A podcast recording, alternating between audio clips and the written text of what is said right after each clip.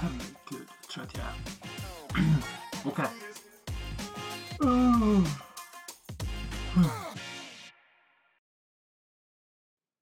Innan jag börjar med första episoden, som handlar om pojkar, killar och män, så vill jag berätta lite om vem jag är. Jag är en vanlig människa med ett vanligt liv och enligt mig själv vanlig uppväxt. Jag skulle då kalla mig själv för en observatör. En självutnämnd sådan. I mina barndomsår, när jämnåriga sprang, hoppade, skrattade och lekte, så såg jag mestadels på. Det är lite för mycket för att påstå att jag analyserade deras beteende, men jag observerade. Viktigast är att jag sällan deltog. Som ni kan föreställa er så ledde detta till att jag växte upp till en ganska asocial ung person. Asocial är dock inte ordet jag skulle använda, men av erfarenhet så vet jag att det är bäst att inte argumentera med mina föräldrars ordval. Åren gick, men mitt lite udda beteende förändrades inte. Jag skulle nog påstå att det fortfarande inte har. Varför jag såg på när alla andra deltog kan jag inte svara helt ärligt på. Kanske var det för att jag var för feg eller osäker för att delta. Jag kanske inte fick eller trodde att jag inte skulle få.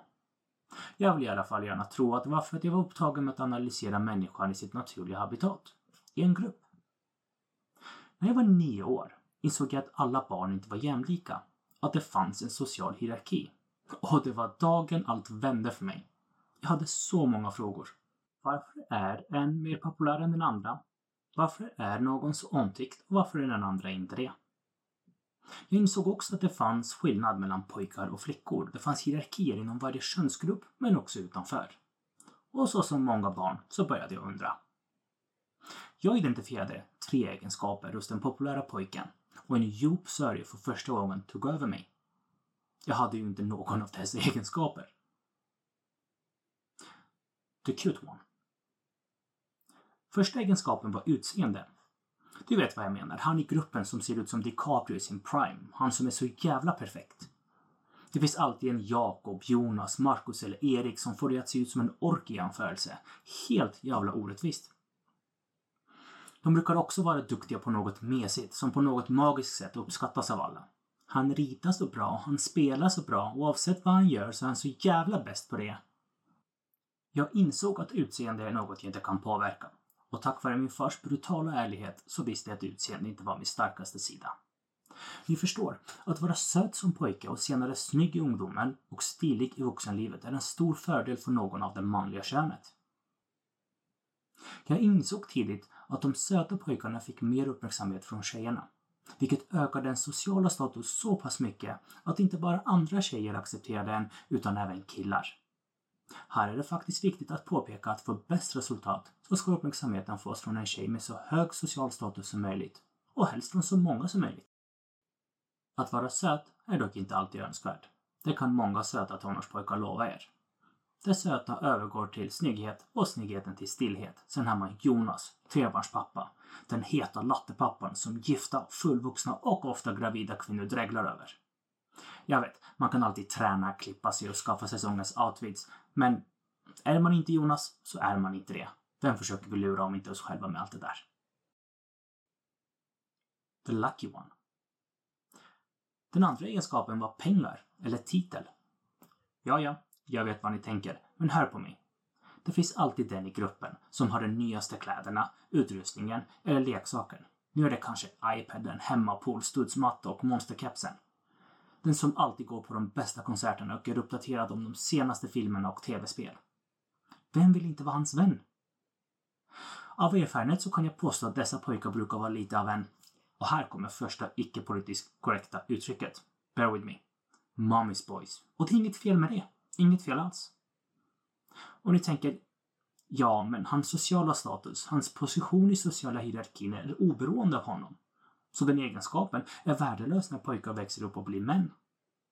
Men vem försöker vi lura? I tonåren lånar de pappas bil om de inte får en egen. Senare är det han som har hyrt ett sunkigt bord på Stureplan. Och i vuxenlivet är det bara att åka upp till hans stuga på Alperna eller huset i Spanien. Ni vet vem jag pratar om. Trots att jag bytt många samhällen och levt i olika kulturer så har jag under min uppväxt alltid lyckats hålla mig i underkant av medelklassen. Detta fick mig att önska, drömma och fantisera. Men det var inte förrän senare i tonåren som jag kunde närma mig denna position. Men då flyttade vi till Stockholm och då var det en helt annan spelplan. Lycka till liksom! Nu är det för sent för monsterkepsen. Nu är det för sent för sunkiga bord i Stureplan. Det är nog dags att börja spara till sommarstället i Spanien. Har du tur så är inte the lucky one också the cute one i din grupp. För då har du ingen chans. Jag menar herregud, hur ska man ens kunna konkurrera? The charming one. Den tredje egenskapen är charm. Jag skulle sträcka mig så långt att påstå att här är den emotionella intelligensen i fokus. Hos pojkar är det ofta den som tar hänsyn till flickorna och oftast protesterar när han ser det orättvisa. Ni vet, det är Andreas som är så duktig på att lyssna och Adam som kan hålla en hemlighet, Mark som får folk att skratta. Dessa pojkar betraktas ofta som mognare av tjejerna och de trivs oftast bättre med tjejer än med killar. Ganska självklart om man tänker efter. Vi pratar om emotionell intelligens. Och ibland kan det verka som att om det är någonting som brister hos en grupp av pojkar, eller fullvuxna jävla män för den delen, är det just emotion och intelligens. The charming one brukar sällan vara lucky eller cute. Men om det skulle vara det så är det hopplöst. För ni ser att inom killgruppen så är hierarkin lucky, cute, charming. Men i den stora unisex-gruppen prioriteras emotionell intelligens högre. Tack för det tjejer. Vilket sätter charming över lucky, men inte cute. Förvirrande, eller hur? Låt mig förklara. Tänk efter vilka värderingar en grupp pojkar har. I en typisk pojkgrupp så brukar den mest populära ofta vara den som har tillgång till de flesta och bästa leksakerna. Med andra ord, the lucky one. Mindre populär men fortfarande populär nog är ofta den söta killen. Och detta har med att göra hur själva gruppen blir bemött på lekplatsen av andra grupper, främst flickor. På sista plats kommer mesen, han som är så försiktig och omtänksam, the charming one. Hans charm fungerar sällan på pojkar i den åldern. Men eftersom i Unisexgruppen så är tjejer involverad så är killarnas position i hierarkin delvis styrd av tjejerna. Och de har bestämt sig att charm kommer före söthet och sist kommer lack. Det är väl ganska naturligt.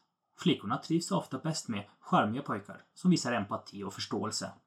Sen är det den söta pojken som de fnittrar runt. Och sist kommer han med tuffa monsterkepsen. Med åldern, när flickor blir tjejer och tjejer till kvinnor, så ändras detta. Sakta men säkert, runt 20-25 års åldern, började Lucky One klättra i hierarkin till första plats.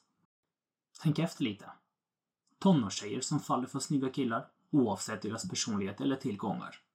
Och senare är det Backslick Kalle i Stureplan som bjuder på en drink i en klubb och råkar nämna att han ska till Spanien den helgen för att få sommarstället i ordning som får tjejer att falla. Det här är i stora drag självklart. Det är ren journalisering. Gäller absolut inte alla. Men Tyvärr så gäller det tillräckligt många för att det ska stämma på populationsnivå. Vad händer efter det då? Ja du, har inte kommit dit än. Men jag gissar nog att det går tillbaka till dagisnivå. Äh, förlåt, äh, förskolenivå. Där emotionell intelligens börjar sakta men säkert klättra upp i rankningen. Jag menar, när du är gammal och trött och sitter hemma. Vems hand vill du hålla? En snygg jävel? En rik jävel? Eller en snäll jävel?